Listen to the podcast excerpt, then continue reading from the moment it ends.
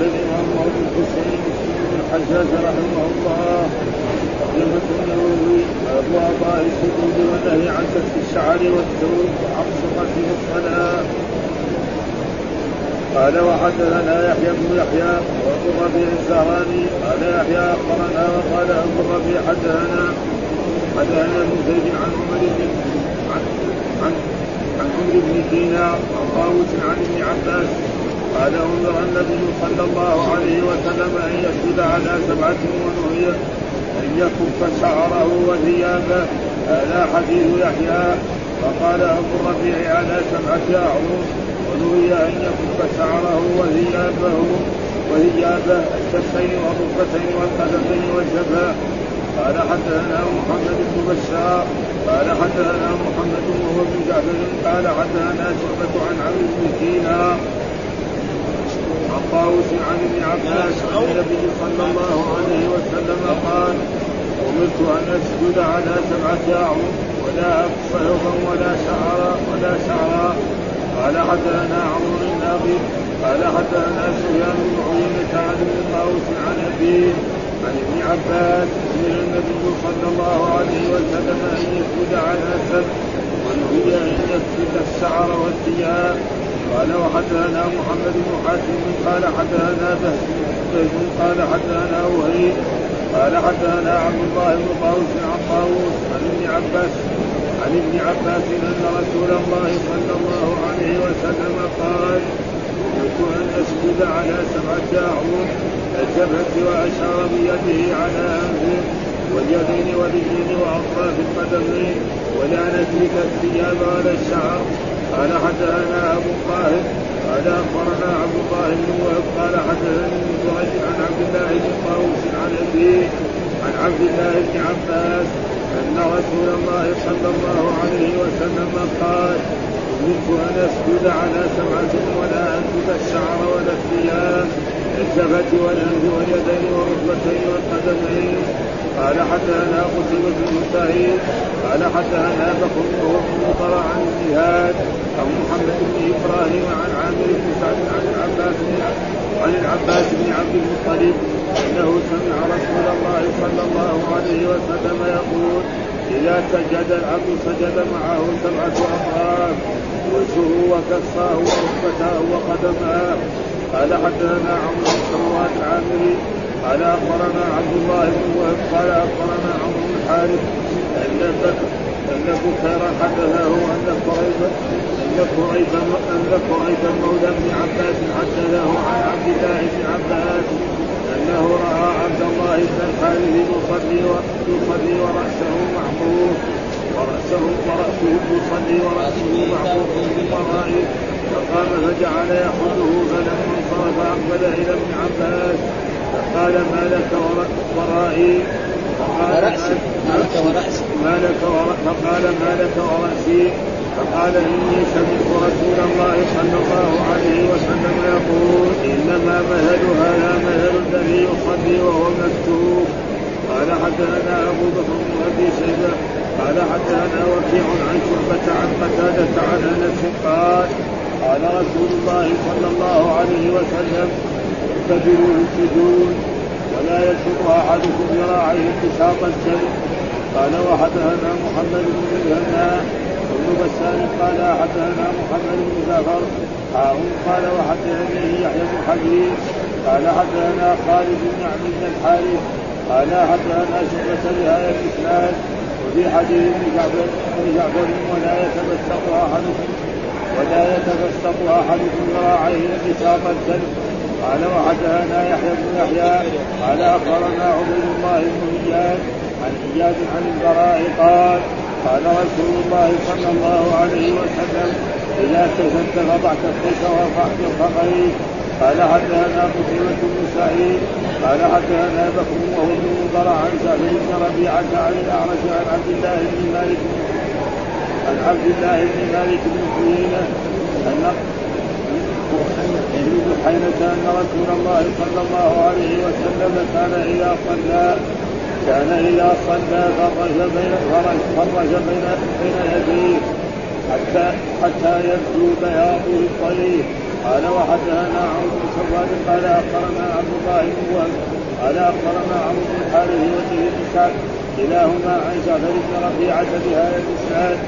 وفي رواية عمرو بن الحارث كان رسول الله صلى الله عليه وسلم إذا سجد إذا سجد يسبح في سجوده حتى يرى وضح الطريق.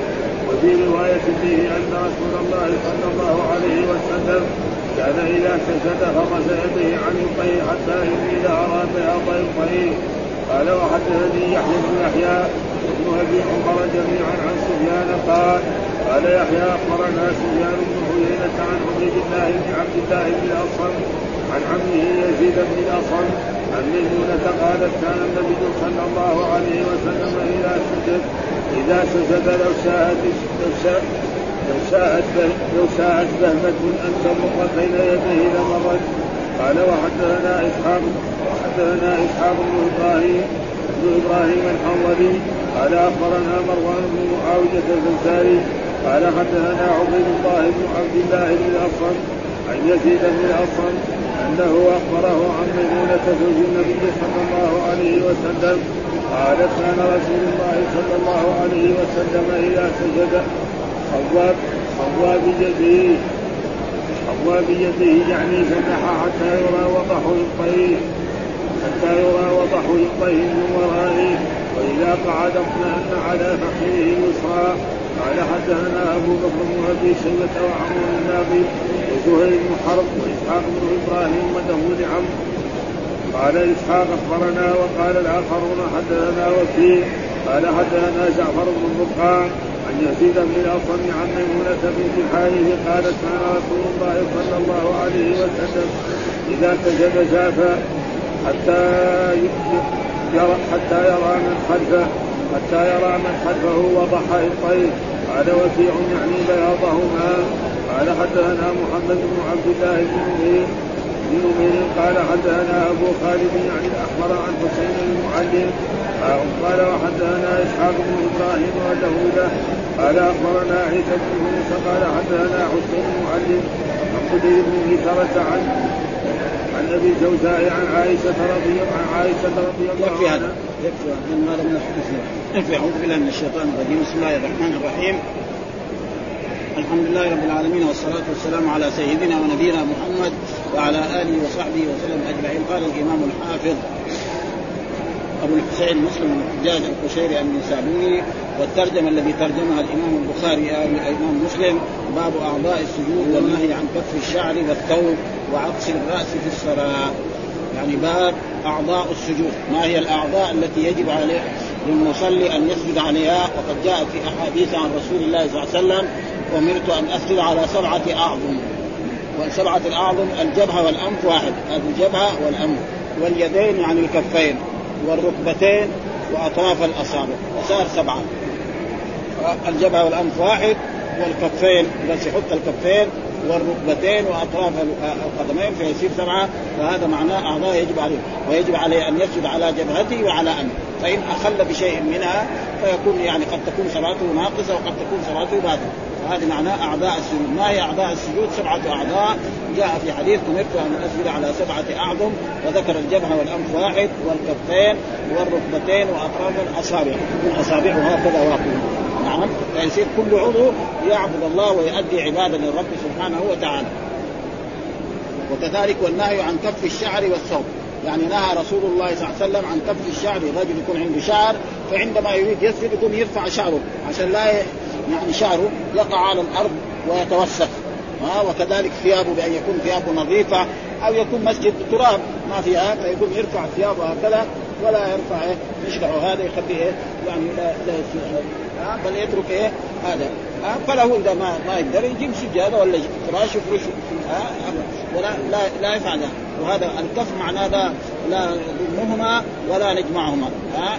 يعني لا يضم شعره ولا يمنع بل يترك الشعر كما هو. فإذا هو كان مربي شعره وأراد يسجد يترك شعره ما يرفع الشعر عشان لا يقع على الأرض ها. ف... هذا معناه وعقص الرأس والمراد بعقص الرأس يعني عقص إيه؟ شعر الرأس. من قال قال عقص الرأس. الرأس ما ما يعقص. ها اذا عقص إيه؟ شعر الرأس. فيكون عنده شعر مربيه يقوم إيه؟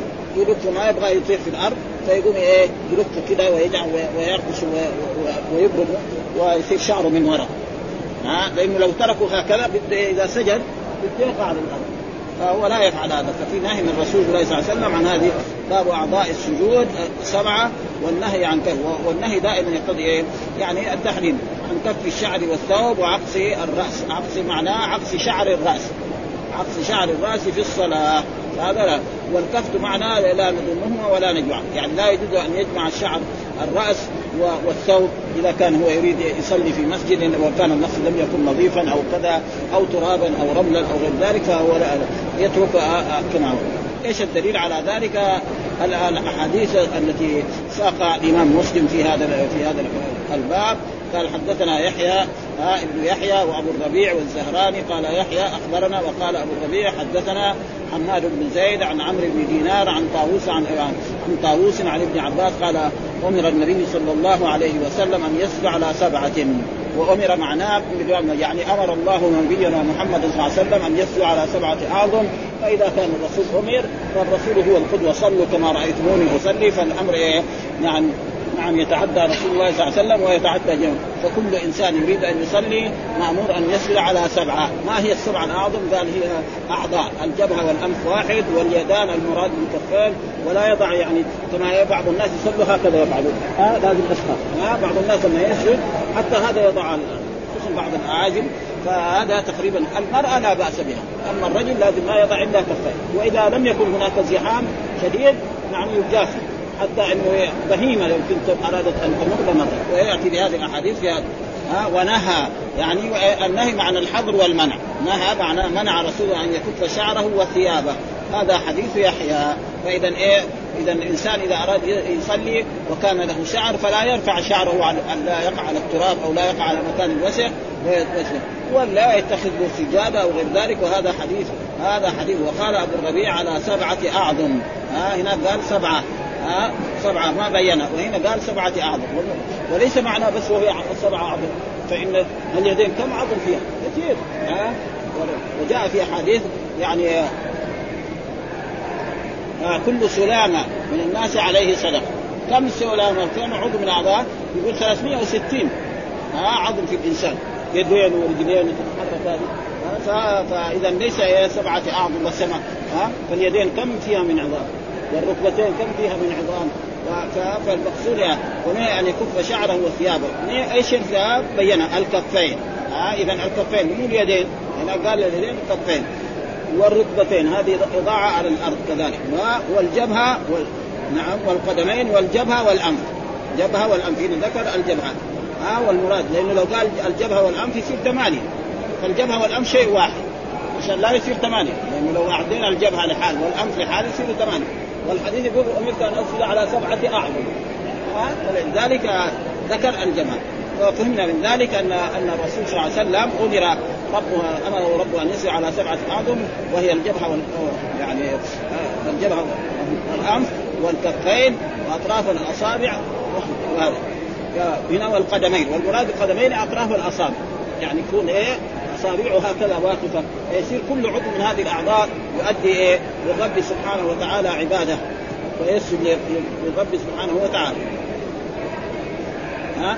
وثم ذكر حدثنا محمد بن بشار حدثنا محمد وهو ابن جعفر حدثنا شعبة عن عمرو بن دينار عن طاووس عن ابن عباس عن النبي قال أمرت أن أسجد على سبعة أعظم. ها؟ أمرت. يعني أمرني ربي. ومعلوم أن يجوز حذف الفاعل للعلم به. ها دائما يعني في اللغة العربية جائز أن نحذف الفاعل ويجوز حذف الفاعل للجهل ما يعرف يقول سرق المتاع. ما نعرف السارق من اللي سرق فنقول سرق المتاع. وهنا الله قال نعم وخلق الإنسان ضعيفا. مين اللي خلق؟ يعني أصله قال خلق الله الإنسان ضعيفا. قال وخلق الإنسان. وكذلك هنا أمرت من الآمر الرب سبحانه وتعالى أمر نبينا محمد صلى الله عليه وسلم وهذا الأمر يتعدى من رسول الله صلى الله عليه وسلم إلى الأمة. ها؟ على سبعة ولا أكف ثوبا.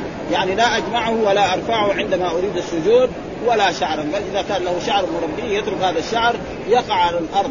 نعم كما يقع. ويكون هذا الشعر كذلك يعني كأنه سجد للرب سبحانه وتعالى. وإن من شيء إلا يسبح بحمده. وكذلك يعني ذكر يتفيأ ظلاله عن اليمين والشمائل سجدا لله.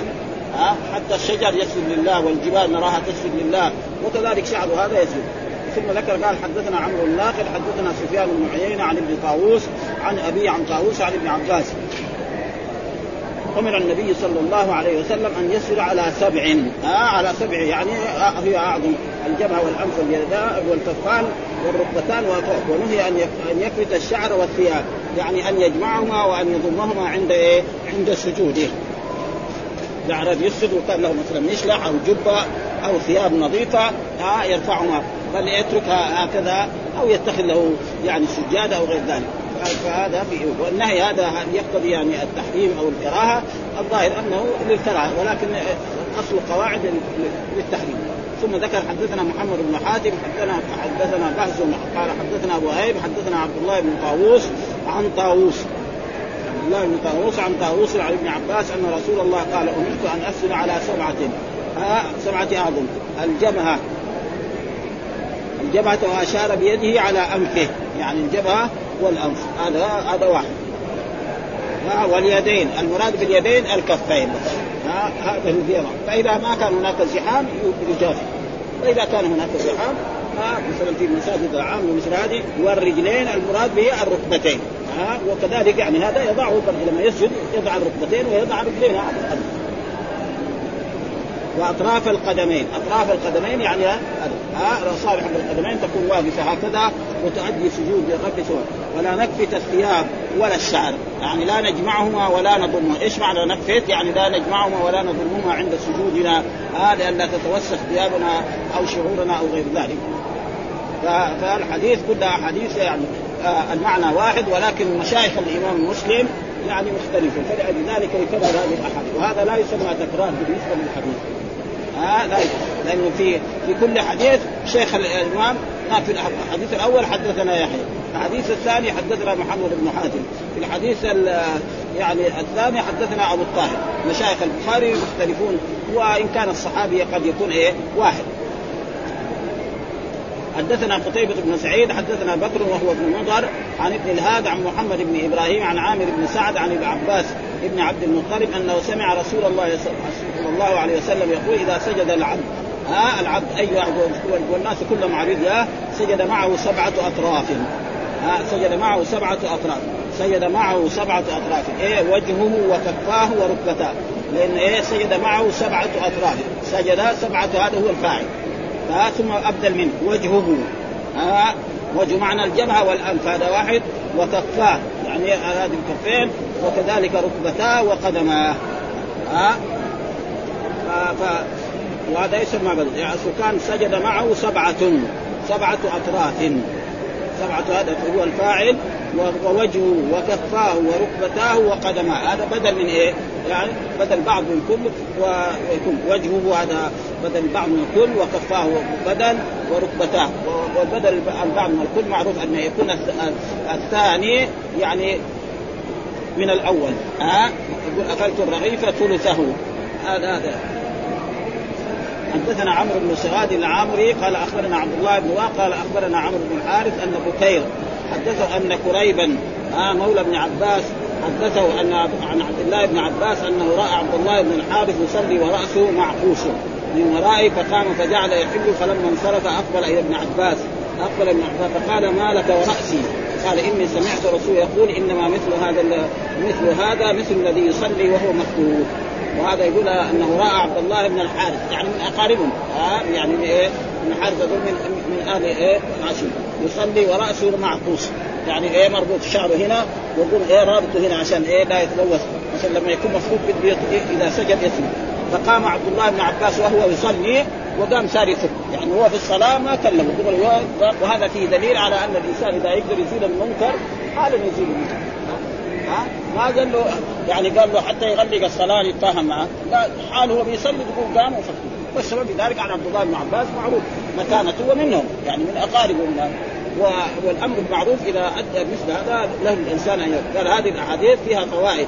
منها أن أعضاء السجود سبعة وأنه ينبغي للساجد أن يسجد عليها كلها وأن يسجد على الجبهة والأنف جمعا. فأما الجبهة فيجب وضعها مكشوفة على الأرض ويكفي بعضها. يعني ولو بعد والأنف مستحب فلو تركه جاز ولو اقتصر عليه وترك الجبهة لم يجز. هذا مذهب الشافعي ومالك رحمه الله تعالى والأكثرون. وقال أبو حنيفة رحمه الله تعالى يجزي هذا وقال أبو حنيفة رضي الله تعالى عنه وابن القاسم من أصحاب مالك أنه يقتصر على أيهما شاء إما على الجبهه الحالة أو الأنف. والصحيح أن الجبهه والأنف واحد جميعا لظاهر الحديث وقال الأكثرون بل الظاهر الحديث أنهما في حكم عضو واحد لأنه قال في الحديث سبعة قال فإن جعل عضوين صارت ثمانية وذكر الأنف استحبابا. وأما اليدان والركبتان والقدمان فهل يجب السجود عليهما فيه قولان للشافعي رحمه الله تعالى. أحدهما لا يجب ولكن يستحب استحبابا. والثاني أنه يجب وهو الأصح لأنه قال أمرت أن أسجد على سبعة أعظم. والأمر دائما يقتضي الوجوب. قائد دائما إذا قال الله أو الرسول أمر معناه واجب. حتى يأتي دليل يصرفه من إيه؟ من الوجوب إلى الندب والاستحباب أو إلى غير ذلك. ها؟ صلوا كما رأيتموني أصلي هذا واجب. ها وقال صلوا قبل المغرب صلوا قبل المغرب ثم قال لمن شاء. ها فالجبهة وقوله صلى الله عليه وسلم سبعة اعظم أي أعضاء فسمى كل عضو عظما وان كان فيه عظام وقوله ولا نكفت الثياب والشعر هو بفتح النون. لا نكفت يعني ها وكسر نكفت. ولا أي لا نضمهما ولا والكفت الجمع والضم. ومن قوله تعالى ألم نجعل الأرض كفاة أي نجمع الناس في حياته الله يقول ألم نجعل الأرض كفاة كفاة معناه نعيش عليها. فوقها ها هذا ها تجمع الأرض تجمع الناس. إذا كانوا أحياء من فوقها. وإذا ماتوا كانوا في داخل. فهي تجمع. ثم بعد ذلك تخرجهم. بعد ذلك ثم يروح إما إلى الجنة وإما إلى النار. ها في حياتهم وموتهم. وهو بمعنى الكف وفي الرواية الأخرى وكلاهما بمعنى قول وفي الرواية الأخرى ورأسه معقوس اتفق العلماء على النهي عن الصلاة عن الصلاة وثوبه مشمر أو كم أو نحو أو رأسه معقوس. فهذا لأن يتوسخ ثيابه فإن هذا لا ينبغي للإنسان أن يعني يميز لأن هذه إيه؟ عبادة للرب سبحانه وتعالى وهو يضع جبهته على الأرض. فيجب عليه أن كل ما كان معه من ثياب أو من جبة أو من مشلح جديد أو غير ذلك آه أن يتركه على ما هو عليه ويسجد به ذلك في هذا وهو باتفاق العلماء وهو كراهة التنزيل فلو صلى كذلك فقد أساء وصح واحتج بذلك أبو جعفر محمد بن جرير الطبري بإجماع العلماء وحكم المنذر الإعادة.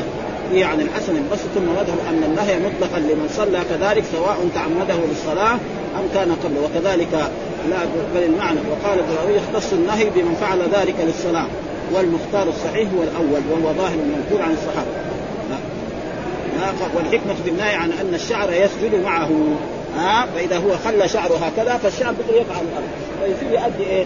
عبادة للرب سبحانه وتعالى. ها لأن الشعر هذا مربوط للرب سبحانه وتعالى وهو الذي خلقه وأوجده وأوجد كذلك صاحب الشعر فلذلك يترك هذه الأشياء ويتركها كما هي فيسجد ثيابه وشعره ولا يأخذ شعره من خلفه قال فيه الأمر بالمعروف والنهي عن المنكر وأن ذلك لا يؤخر. إذ لم يؤخر ابن عباس رضي الله حتى يفرغ من الصلاة وأن المكروه ينكر كما ينكر المحرم. يعني ليس أحكام الشرع معروف خمسة. ها فالحرام ينكر وكذلك الشيء المكروه إذا فعله إنسان ينكره. وأن من رأى منكرا وأمكنه تغييره بيده غيره بيده حديث أبي سعيد الخدري. ما ذكر يمدحه ثم ذكر باب الاعتدال في السجود ووضع الكفين على الأرض ورفع المرفقين على الجنبين. الاثنين ورفع البطن عن الفخذ الفخذين في السجود. ها باب يعني في مشروعية أو في وجوب الاعتدال في السجود. إذا سجد ورفع من السجود يعتدل. ها مثلا بعض الناس نراهم في هذا المسجد يجي يسجد كده ولا يرفع إلا قليل دغري ينزل أو يركع كده ثم دغري نازل والسبب في ذلك أن المذهب الذي هم يقرأون مذهب الإمام أبو حنيفة يقول أن الاعتدال والطمانينه ليست بإيه؟ بواجبه بل هي سنة. فتجد يصلي صلاة يقولها نقر الدين. ها والسبب في ذلك أن الإمام أبو حنيفة له يعني أصول غير أصول العلماء الآخرين. يقول الفرض ما ثبت بإيه؟ بالقرآن. و... والذي ثبت ب... يعني بالسنة هذا يسمى يعني واجب. ها فلذلك وأما العلماء الباقون لا. آه؟ لا فرق بين ما اثبت آه أوجبه الله واوجبه رسوله صلى الله عليه وسلم. فلازم يعتذر إذا سجد يرفع من السجود يعتدل إذا ركع يرفع من الركوع ويطمئن. وإذا سجد السجدة الثانية يقوم كذلك هكذا لازم إيه؟ يفعل. هذا معنى الاعتدال. ووضع الكفين على الأرض. يضع بس الكفين على الأرض بس. ها ما يوضع هكذا. بعضهم هكذا. ها فكثير من العاجم يفعل هذا على الأرض. ورفع المرفقين على الجنبين.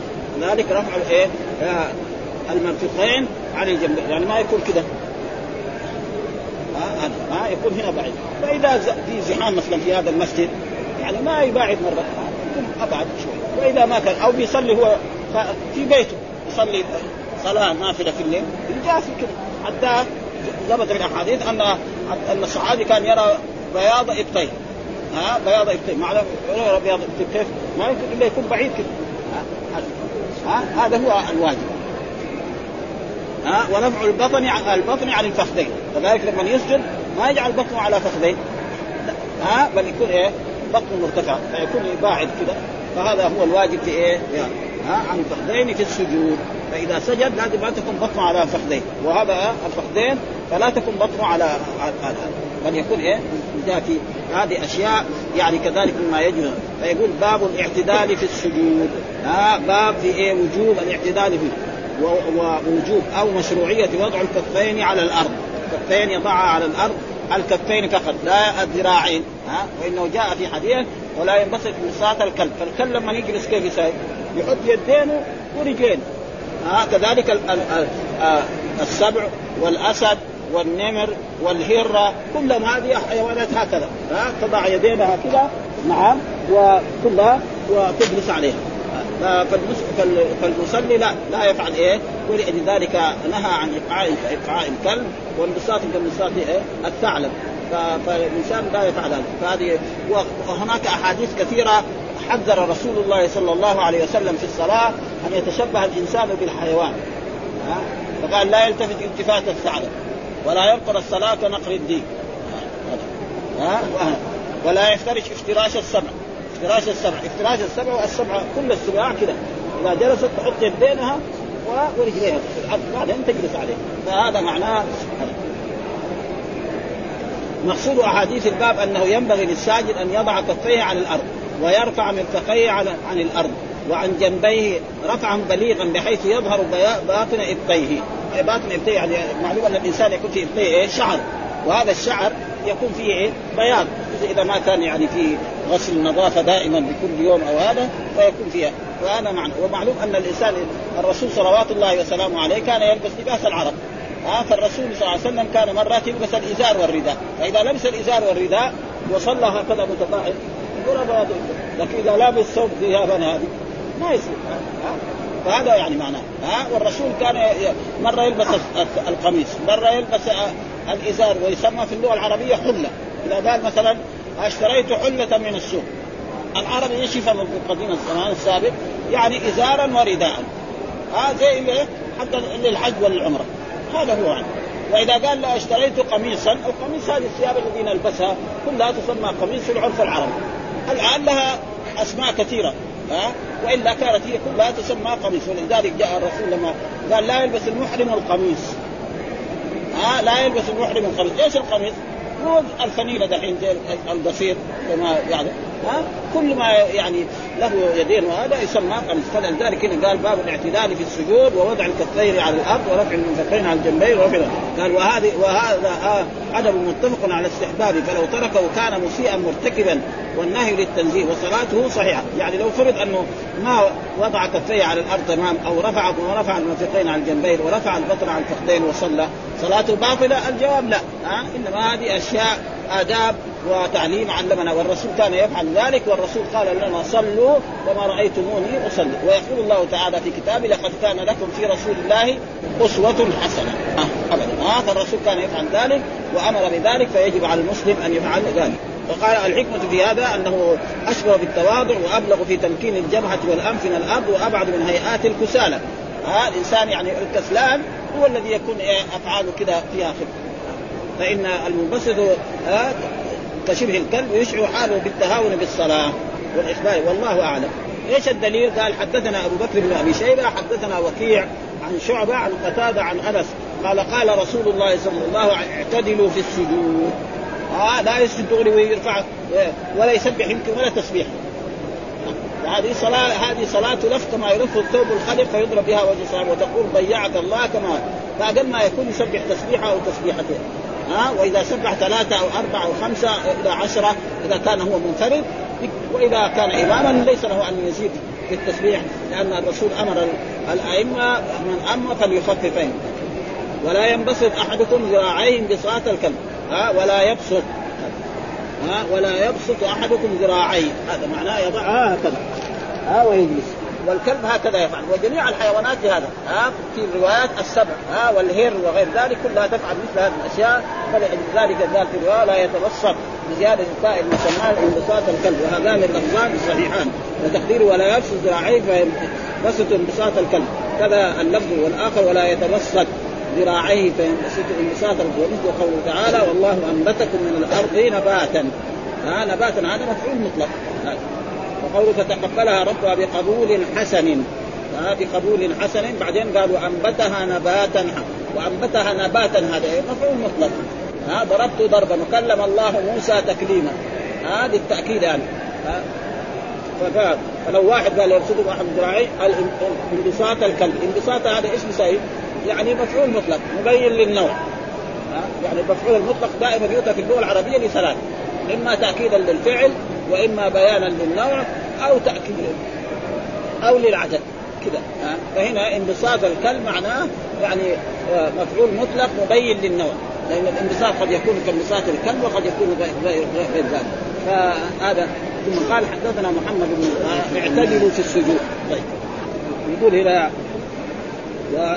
وجاء الحديث الثاني حدثنا عن محمد بن مسنى وابن بشار قال حدثنا محمد بن جعفر أو قال حدثنا يحيى بن حبيب حدثنا خالد يعني بن حارث قال حدثنا شعبة بهذا الإسناد.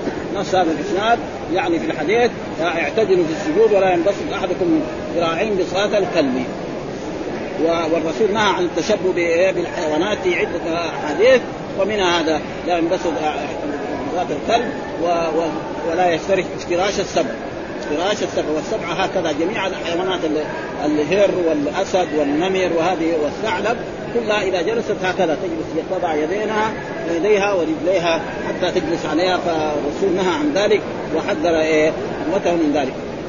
حدثنا يحيى بن يحيى قال أخبرنا عبيد الله بن إياد عن إياد عن البراء قال قال رسول إذا سجدت فضع كفيك وارفع مرفقيك. وضع كفيك على الأرض وارفع مرفقيك. يعني هذا ما يحط على الأرض. الآن كثير من الناس نعم تجد يسجد ويضع إيه نفس المرفقين وهكذا على الأرض. فهذا تقريبا ما هو ها؟ لازم الكفين تكون على وأما هذا يكون مرفوع. فإذا لم يكن هناك زحام شديد أو بيصلي وحده فيجافي بين الرفقين حتى يرى بياض إبطيه. هذا الواجب في إيه؟ في في المصلي. وإذا كان هناك زحمة يعني فلا بأس ان ينضم لأجل إيه؟ محل هذا يكون مسلم يصلي في في مسجد رسول الله صلى الله عليه وسلم.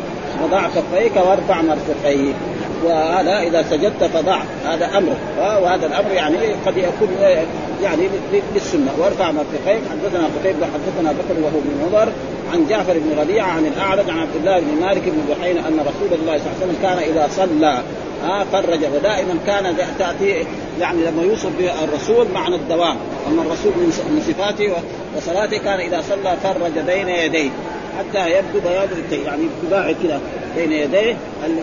اليمنى واليسرى بعيد حتى يرى بياض ابطيه وبياض ابطيه معناه إذا كان لابسا ازارا ورداء. فإن الإنسان إذا كان لابس إزار ورداء فإنه يعني إذا باعد بيناه يرى مثلا الشعرات هذه فيها شيء من البياض. خصوصا إذا ما كان يعني فيها شيء من النظافة. وثم ذكر حدثنا عمرو بن سواد أخبرنا عبد الله بن وهب قال أخبرنا عمرو بن حارث والليث بن سعد كلاهما. عن جعفر بن ربيعة بهذا الإسناد وفي رواية عمرو كان رسول الله إذا سجد إذا سجد يجنح في سجوده. يجنح. يعني إيه يجنح؟ معناه يباعد ها في سجوده. وقال يجنح في سجوده حتى يرى بيان يعني يباعد. ها, ها؟ يجنح. في شد أيوه. يجنح في سجوده حتى يرى وضح ابطيه ووضح ابطيه معناه البياض التي على الشعر الذي في إيه؟ في الابطين يجنح يعني معناه وكذلك يخوى كل بمعنى يجنح ويباعد كل بمعنى قال معناه كله باعد مرفقيه وعضديه عن جنبيه. فهنا يعني تقريبا هذا وضم الياء وفتح الجيم وكسر النون المشدة وهو معنى فرج بين يديه وهو معنى قول في الرواية الأخرى خوى. بيديه بالخاء المعجمة وتشديد الواو وفرج وجنح وخوى بمعنى ومعنى كله باعد مرتقيه وعضديه عن جنبيه يعني بعيد عن هذا وهذا تقريبا من إيه؟ من الصفات التي كان رسول الله صلى الله عليه وسلم والرسول أمرنا قال صلوا كما رأيتموني أصلي حتى نرى آه نرى بياض إبطين وهو بالنون ونرى وروي بالياء حتى يرى من تحت المضمون وكلاهما صحيح ويؤيد الياء في الرواية عن ميمونة إذا سجد خوى بيديه حتى يرى وضح ابطيه فكل إيه؟ هذا كله إذا لم يكن هناك زحام شديد وإذا كان هناك زحام على كل حال لا يضع يعني يعني يديه في كلها في الأرض. بل الكفين الذي يضعها ويباعد بين بين يديه. ثم ذكر حدثنا يحيى بن يحيى وابن أبي عمر جميعا عن سفيان قال يحيى أخبرنا سفيان بن عيينة عن عبيد الله بن عبد الله بن الأصم عن عمه يزيد بن الأصم عن ميمونة قالت ما وميمونه من أزواج النبي صلى الله عليه وسلم كان النبي صلى الله عليه وسلم إذا سجد لو شاءت بهيمة أن تمر بين يديه لمرت. والمراد شاة صغيرة توها ولدت ها لأنه لما يباعد كذا الشاة لما تولد تكون قد كذا صغيرة ها؟ ولو أرادت تمر لها يومين أو ثلاثة أو خمسة أيام أو أسبوع تقدر تمر الإنسان الرجل كذا مباعد تمر إيه؟ بين يديه من هذه الجهة ومن هذه الجهة. معناه إنه كان الرسول يجافي جدا. وهذا معناه لو شاءت بهيمة قال أبو عبيد وغيره من أهل اللغة البهمه واحدة البهم. البهم وهي أولاد الغنم من الذكور والإناث وجمع البهم بهام بكسر إيه؟ الباء. وقال البهمة من أولاد الضأن خاصة. ها ويطلق على الذكر والأنثى. وقال والسخال أولاد المعزه ها وهذا معروف عندنا ها سخلة يقال. للجفره الصغيرة تسمى سخلة. ففهم من ذلك ان برضو أن قال كان رسول إذا سجد خوى بيديه. ها خوى بيديه يعني باعد بين يديه حتى يعني جنح حتى يرى وضح إبتيه. ووضح إبتيه معناه بياض إبتيه من ورائه وإذا قعد اطمأن على فخذه اليسرى. واذا اطمأن قعد على فخذه اليسرى وهذا يسمى يعني مفترش. ها يعني معنى هذا عشان يعني هكذا يعني الجلسه في التشهد الأول يكون إيه؟ الجلسة رجل اليسرى جالس واليمنى يوقف. هذا يسمى إيه؟ افتراش. والتورك أن يفعل هكذا. يخرج رجله كذا وكل جائز بعض العلماء يرى أن الافتراش يكون في إيه؟ في كل الجلسات اللي في الصلاة إلا في الجلسة الأخيرة. يفترش. الإمام الشافعي. الجلسة في الإيه؟ ومثلا بين السجدتين يفترش. ها؟ وكذلك سجدة الاستراحة بين السجدتين. والتشهد الأول يكون هكذا جالس. ها يصير إيه؟ جالس على اليمين اليسرى واليمنى منصوب. وهذا كله إذا كان يقدر. الناس كلهم صاروا خربانين. واحد صار عمره يعني 40 سنة رجاله خربانة. تقريبا. فالناس يعني الآن اصبح بعض الناس ما يقدر يجلس إلا كذا في الصلاة. لأنه خصوصا إذا صار كبير. الناس يختلفوا. أو في جسمه يعني ضخامة. فلذلك هذه الأشياء على يعني على تقريبا وهذا يسمى افتراش. الثاني تورك، التورك أن يخرج رجله اليسرى هكذا ويجعل اليتيه على يجعل اليتيه على الأرض. هذا يسمى إيه؟ تورك، والإمام مالك يرى التورك هو أفضل. ها؟ والإمام الشافعي يرى لا أن كل الجلسات تكون يكون مفترش بين السجدتين وسجدة الاستراحة وبين التشهد الأول. وفي الأخير يتورك وإذا فعل هذا كان دائما مفترش صلاته صحيحه إن شاء الله ها؟ يعني هو في الجلسة الأولى وفي الوسطى وفي كل هذا يكون مفترش فإن ذلك جائز وإنما هذه مساله يعني كذلك هي وتكون على على ما يقدر يجلس متربع هكذا. ما يقدر ما تساعد ابدا ها؟ هذا معناه يعني إذا سجد جاف حتى يرى من ضحك طيب ها قال اطمأن على فخذه اليسرى ها؟ اطمأن على فخذه اليسرى ومعناه جلس إيه؟ مفترشا. الثاني إيش قال حدثنا أبو بكر بن أبي شيبة وعمرو بن ناصر وزهير بن حرب وإسحاق بن إبراهيم واللفظ لعمرو. قال أخبرنا وقال الآخرون حدثنا وكيع حدثنا جعفر بن غفار عن يزيد بن الأصم عن ميمونة قالت كان رسول إذا سجد جافى حتى يرى من خلفه ووضع يديه قال وكيع يعني بياضهما وقال حدثنا محمد بن عبد الله قال ابن نمير حدثنا قال يعني الأحمر عن حسين بن علي محول الإسناد وقال حدثنا إسحاق بن إبراهيم واللفظ له قال أخبرنا عيسى بن يونس وحدثنا حسين بن عبد عن بديل بن ميسرة عن ابن الجوزاء عن عائشة وهذا تقريبا الأحاديث الثانية التي هي في باب إيه؟ يمكن يعني إذا كان معي طبيب نقرأها عشان المؤلف. لأن أشياء واضحة ما فيها يعني. وهو هنا باب ما يجمع صفة الصلاة وما يفتتح به ويختتم به. ها يعني الترجمة الذي باب ما يجمع صفة الصلاة. يعني صفة الصلاة كلها تجمع في هذه الأحاديث وما يفتتح به ويختتم.